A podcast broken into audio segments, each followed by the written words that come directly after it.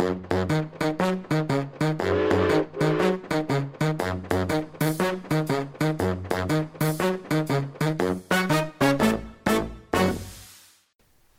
har jeg den store glede å ønske alle lytterne hjertelig velkommen tilbake til en ny episode i podkasten Ekspedert. En podkast som vi sender her fra Narvik museum. Jeg heter Jon Framnes, og jeg skal prøve å galide oss gjennom en kjempeinteressant episode som skal ta oss noen år med tilbake i historia. Til å hjelpe oss med det har vi to flotte gjester i studio. Det ene er jo Marit Edvardsen. Velkommen til oss. Takk skal du ha. Kan du eh, gi lytterne et lite innblikk i hva du holder på med? Ja, jeg er da nyoppstarta biblioteksjef i Narvik kommune eh, fra 1.1. Og før det så har jeg vært rektor i nesten fem år eh, i Ballangen. Og jeg er eh, utdanna lærer i utgangspunktet og har studert litteratur eh, på Universitetet i Tromsø. Da eh, blir jeg jo litt nervøs når vi har en biblioteksjef i eh, studio, og det sier kanskje litt om eh, temaet i dag. Vi skal gå litt tilbake i litteraturen og en del bøker som er skrevet av visse personer. Jeg vil også presentere vår eminente vert for podkastene våre, han Trond Blomli. Hjertelig velkommen i studio til deg òg. Tusen takk.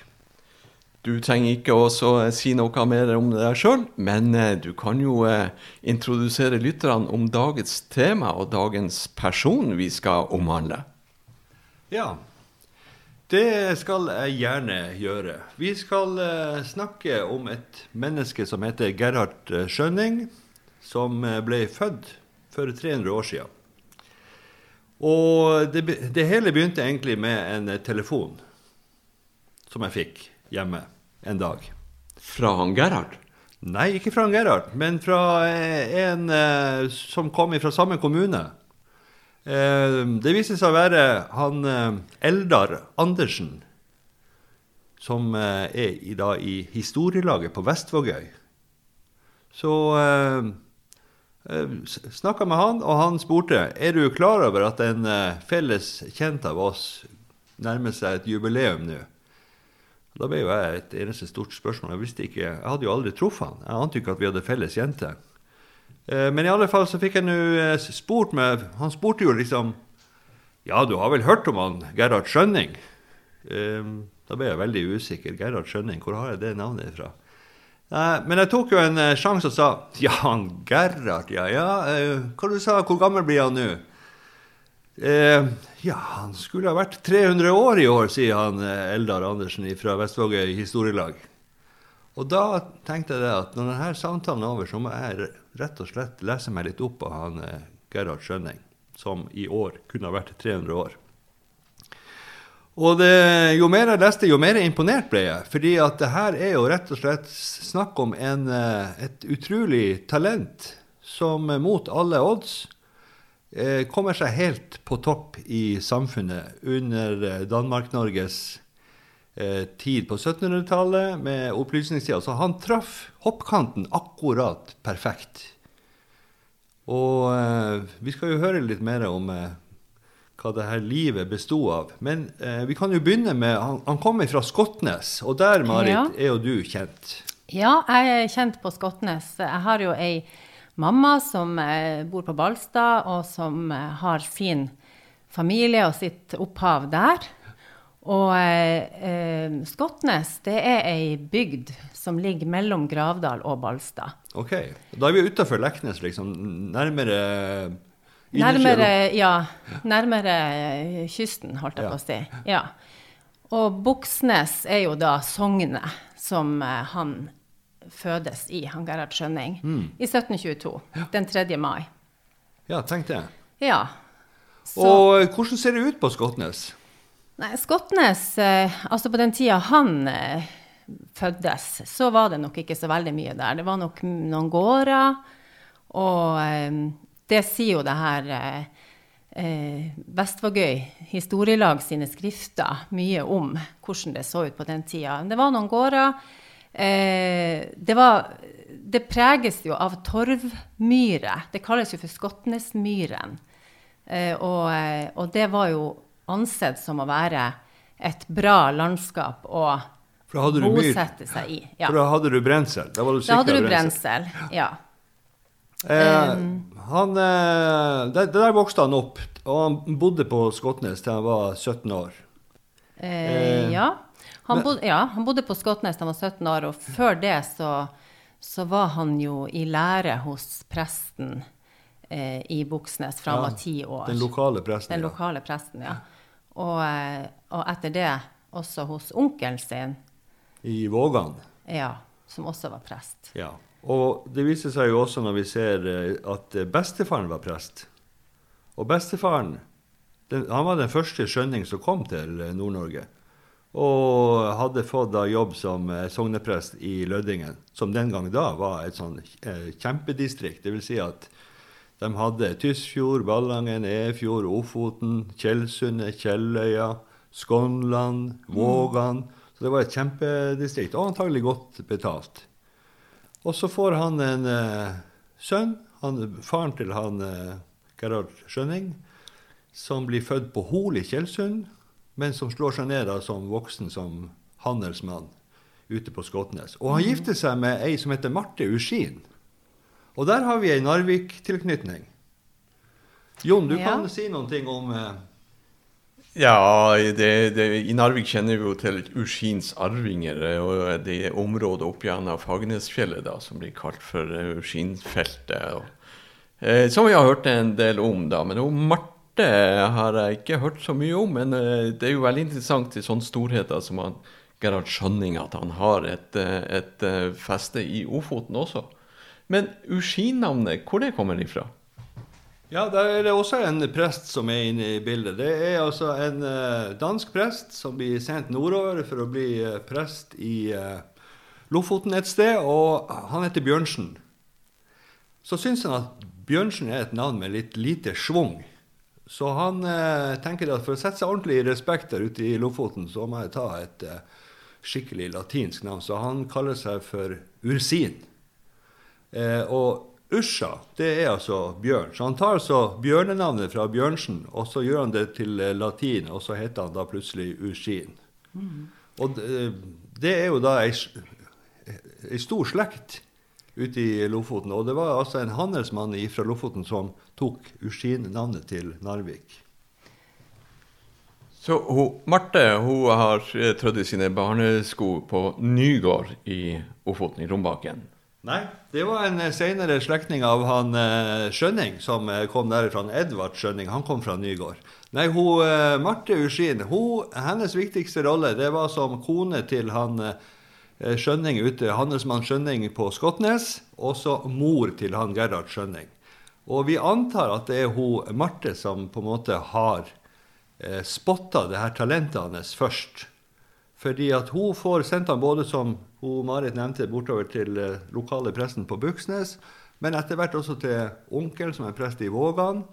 Og han, eh, Gerhard Skjønning han skriver da i sine memoarer at eh, det var ei tung tid i Vågan hos eh, onkelen, presteonkelen, eh, for å lære latin. Fordi at eh, hver gang han kom i skade for å bøye et latinsk verb feil med Det er jo tusen forskjellige endinger, alt etter hva slags bruk. Så var det altså pryl å få. Juling, rett og slett. Så eh, Han hadde det tøft. han hadde det tøft, men så blir han 17 år. Og da har han eh, lært seg latin, gresk, kan både skrive og lese, antar vi, og regne.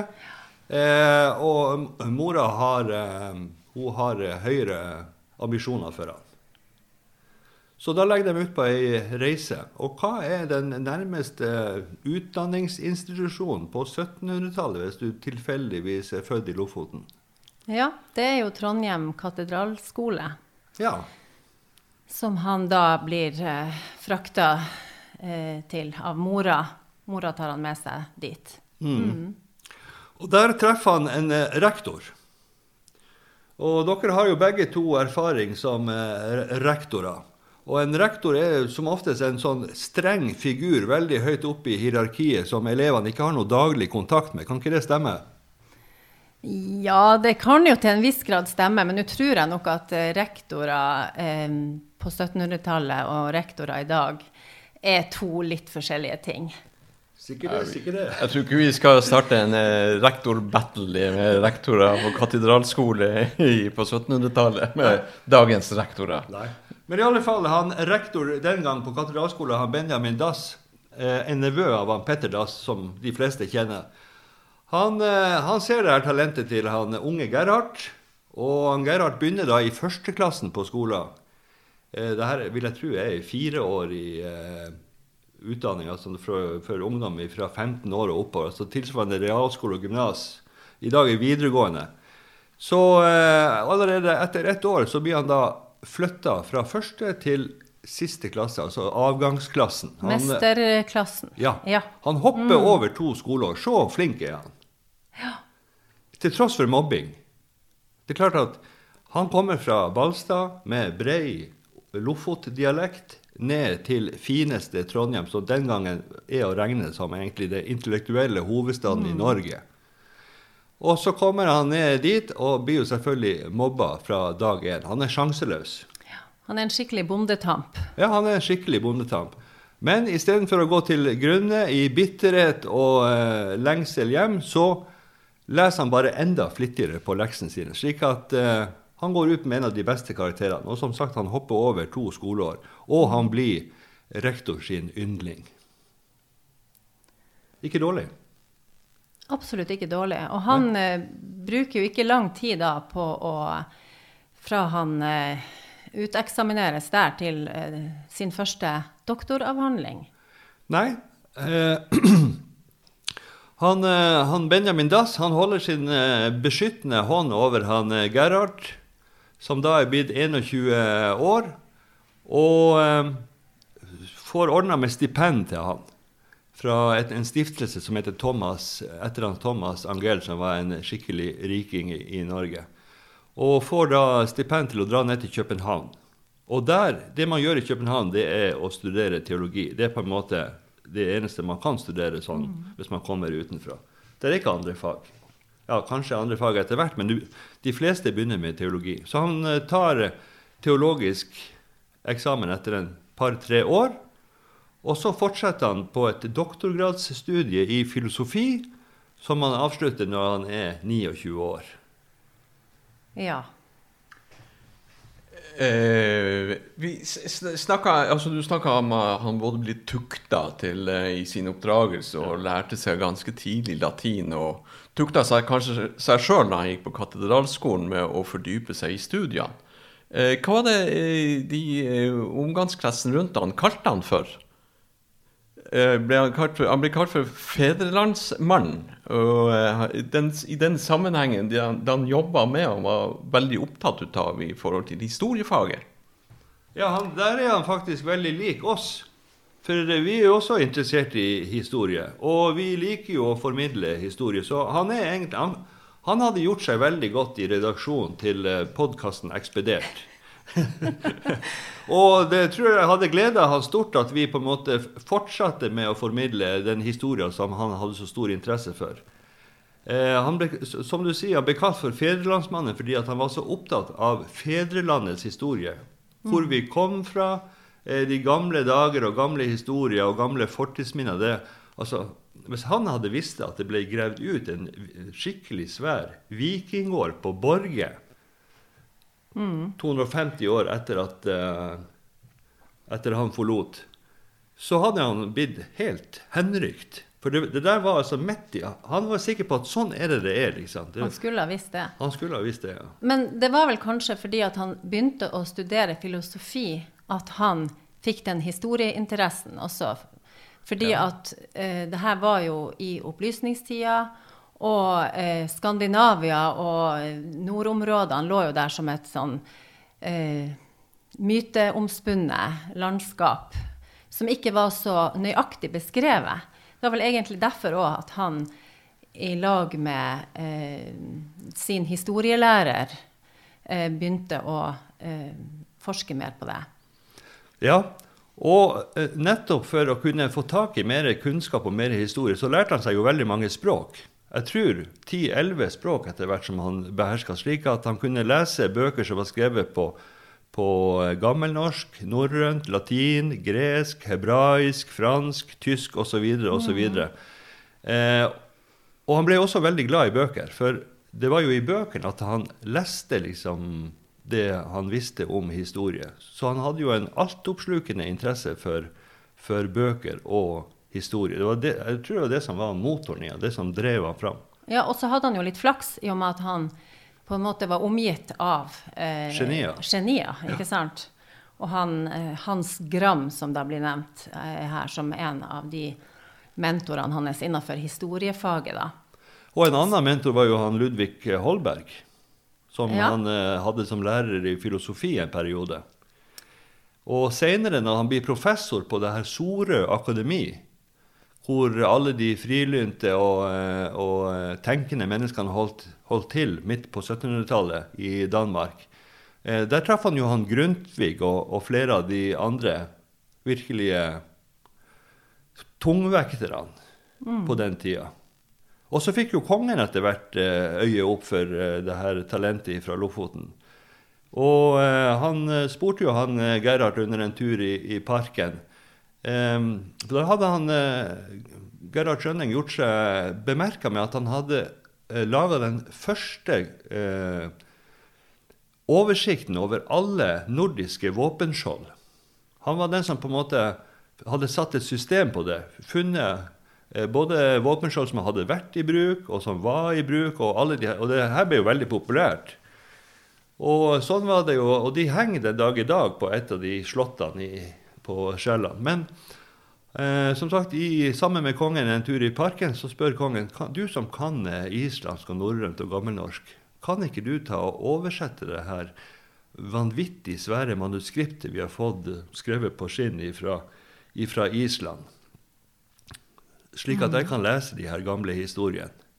Og det sa han ja til. og Han er altså en av de første som oversetter da de eh, gamle kongesagaen og gudesagn og alt mulig. Den er jo- Flatøy, Flatøyboka, ja. Flatøyboka, ja. Mm. Og den ble jo gitt ut på nytt igjen bare for noen få år siden, faktisk.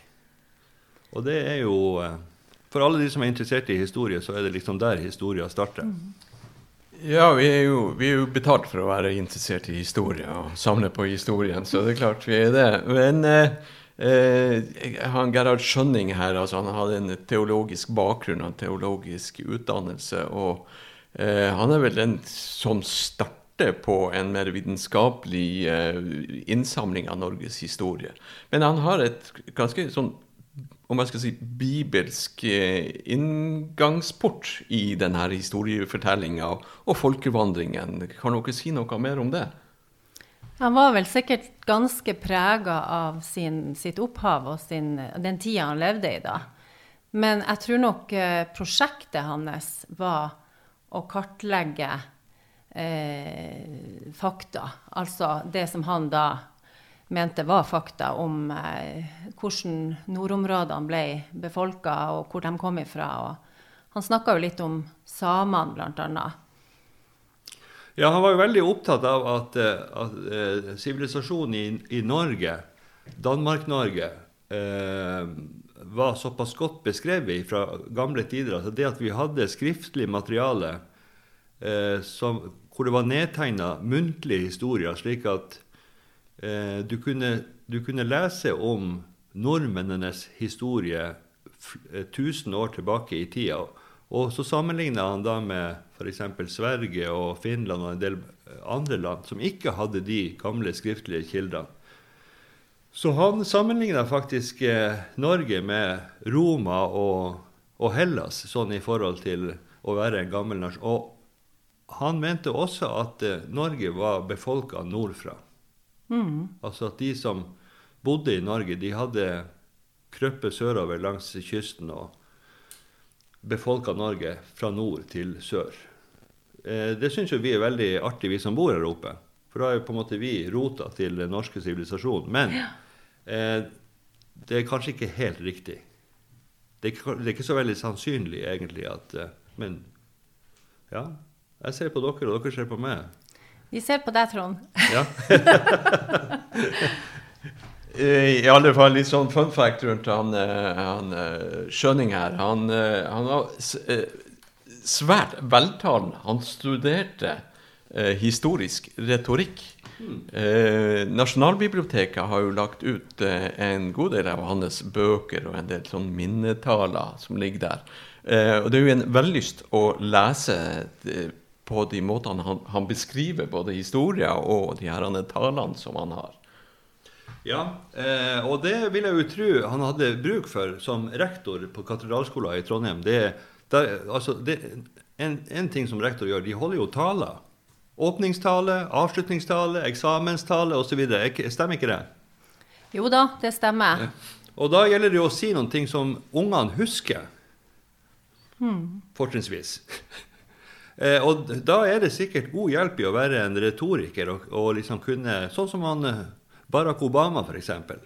Kjent retoriker. Holde taler som folk eh, husker.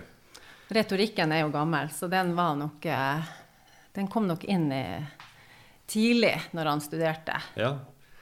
Um, I tillegg til å skrive de første, den første norgeshistoria, Norges historie i tre bind. De to første bindene fikk han trygt og gitt ut mens han levde.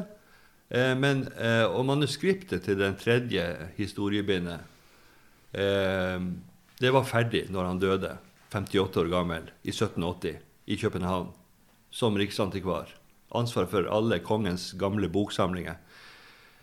Og eh, At var han, var han, fikk han gjort ferdig det siste bindet?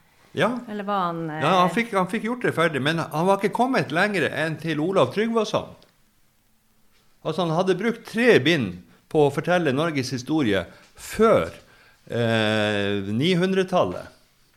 Så det er jo veldig synd at han eh, døde som 58-åring, for han skulle jo egentlig ha skrevet de neste sju bindene også, slik at han hadde kommet opp til i hvert fall til 1700-tallet. Det hadde jo vært fantastisk. ja. ja, altså han døde jo før det ble trykt. Ja. Før det kom på trykk. Ja. Men det var ferdig. Og så gjorde han noen eh, veldig viktige reiser. Eh, vitenskapelige feltekspedisjoner. Det vil si det at han tok med seg penn og papir eh, og sitt intellekt. Og så dro han ut på lange turer i eh, Norge, eks ekspedisjoner, for å skrive ned historier som han hørte, beskrive bygninger som han syntes var litt spesielle, særlig gamle bygninger, bautasteiner, gravfunn, alt som folk på en måte sa at det her må jo være historisk. Og så det var Han var den første som gjorde det. Og veldig mye av det som han Og han var veldig flink å tegne også, slik at de tegningene som, som eh, ligger på Nasjonalbiblioteket, og som man kan få eh, se hvis man går inn og søker Og det kan man også se på Narvik bibliotek, for der har vi nemlig en utgave av hans tegninger og Oi. skisser i forbindelse med de reisene som han gjorde. Det var reklamen, det. Det var reklamen. Eh, kjempemessig, det. Det er institusjoner til berikelse og kunnskap. Noen, jeg mener at jeg har vært borti eh, noen ut av de reiseskildringene, om jeg skal si- det sånn, eh, at han beskriver Norden, eller Norge spesielt, som de be, bekvemmeliges eh, oppholdssted. Har dere hørt borti det? Nei, eh, jeg har aldri sett på Norge som den nest mest bekvemme plassen å bo. Ja, Da må du lese deg opp på Wikipedia, som vi gjerne gjør når vi forbereder oss til eh, de her podkastepisodene der.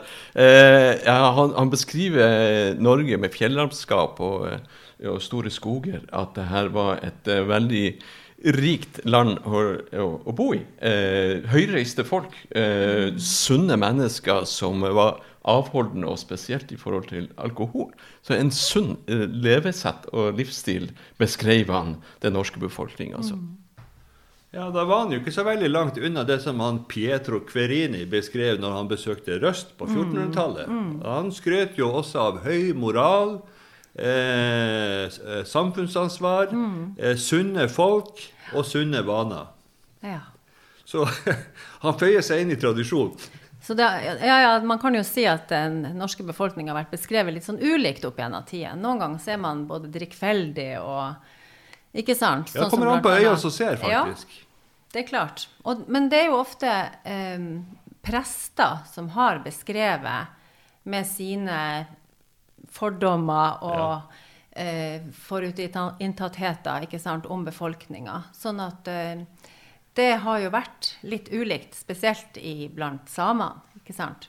Ja da. Hvordan de har blitt beskrevet. Og det skal jo også sies at det var en, eh, en prest som eh, sto ansvarlig for at alle de gamle runebommene i Ofoten ble dratt ut på fjorden og enten søkt i havet eller knust mm. eller brent på land. Men nå kom vi kanskje litt ut på vidden her? Nå kom vi ut på vidden. Nå skal vi gå tilbake til han Gerhard Schønning, Og uh, vi er ferdig med hans reiser uh, og mm. hans avhandling i Norges historie og avhandling om Østens filosofi. Og avhandling om uh, de danske og norske adelsslekter og deres våpenskjold. Og norrøne bryllup og ja. bryllupsdrakter. Så, ja. så nå skal vi inn på en av hans sterkeste lidenskaper. Bøker. Bøker, ja. Han var eh, Altså, det, det, fløyt jo ikke akkurat av bøker på 1700-tallet. Det, jeg vet jo ikke, det er jo ikke så lenge siden trykkekunsten var oppfunnet av han eh, Gutenberg. Men, eh, men eh, bøker var dyrt. Og eh, gamle bøker var gjerne skrevet med, altså med, med hender, med mm. penn og, mm. og blekk på, mm. på, skinn eller eh, ja, altså pergament. Mm. Så eh, de var få, de var dyre, og jo eldre de var, jo mer sjelden var de, jo mindre var opplaga. Men han samla metodisk. Og så traff han jo en annen mann samme, med samme interesse for historie. Han eh, Fredrik Zoom. De ble eh, venner, og de, han Zoom var jo en, han var av eh, rik slekt, hadde masse penger, så han kunne kjøpe akkurat det han, han så, så eh, av bøker. Mm. Så han bygde seg opp en stor eh, sam, eh, boksamling. Og de her to vennene de ble enige om at den som dør først, arver den andres i boksamling. Nå var jo han Fredrik Sum litt eldre enn han Gerhard Skjønning, ja. så det var jo Sannsynligheten var stor for at han kom til å krepere ja. først, og det gjorde han. Mm. Så da satt jo plutselig han eh, Gerhard med sin egen boksamling, pluss kompisen sin boksamling, pluss at han fikk overta bøkene til han biskop Gunnerud, som også døde under en sånn fellestur som han og eh, Skjønning hadde. Så eh, den her enorme boksamlinger på flere ja, du sa 11 000 bind. 11 000 bind på 1700-tallet. Det regnes mm. som en stor boksamling. Du vet ikke hvor mange bøker det er på Narvik bibliotek. Jeg lurer på om han hadde alle de bøkene hjemme, eller om han hadde en eh, Ja, det kan du lure på. Kanskje på kontoret. Ja, på kontoret, ja. Mm. De å ha det på en, en, plass hvor det ikke brenner, eller hvor det ikke var kommet inn råte. Og, ja. ja. De, de, bøkene ble i hvert fall overlevert ja. til uh, ja, Det norske vitenskapsselskapet. Kongelige, kongelige Norsk Vitenskapers Selskap mm -hmm. i mhm. Trondheim. Altså forløperen til NTNU. Forløperen egentlig til, til bibliotektjenesten i, i, i, Norge. Han eh, ga hele denne boksamlinga til allmennheten. Mm. Slik at alle kunne ha glede av å få litt mer kunnskap. Helt fantastisk å høre på dere. Vi skal runde av nå. Reklamen om biblioteket det har vi hatt. Snakka om Nasjonalbiblioteket også, som eh, digitaliserer og legger ut en god del ut av de skriftene til han eh, Gerhard Schønning. Ja, kan jeg bare få skyte inn at siden han har bursdag 3. mai, så er det jo anledning til å komme på biblioteket og lese litt om han Gerhard Schønning. Og at vi skal stille ut de bøkene som, har, som vi har tilgjengelig av han, i hvert fall. Og så tenker jeg det at de her fantastiske tegningene hans av spesielle og sære ting i Trøndelag, noen av dem kunne vi få kopiert og kanskje få hengt opp nede på galleriet på museet. Det skal du ikke se bort ifra. Vi slår et slag for de her institusjonene. Museum, bibliotek, det er til, til folkets fremme og, og, og utvikling, rett og slett. Tusen takk for at du besøkte oss, eh, Marit Edvardsen. Det var veldig hyggelig og berikende å ha deg her i studio. Tusen takk for at jeg fikk komme. Jeg sier eh, nok en gang takk til deg, Trond Blomli, med ditt viten og eh, innsikt.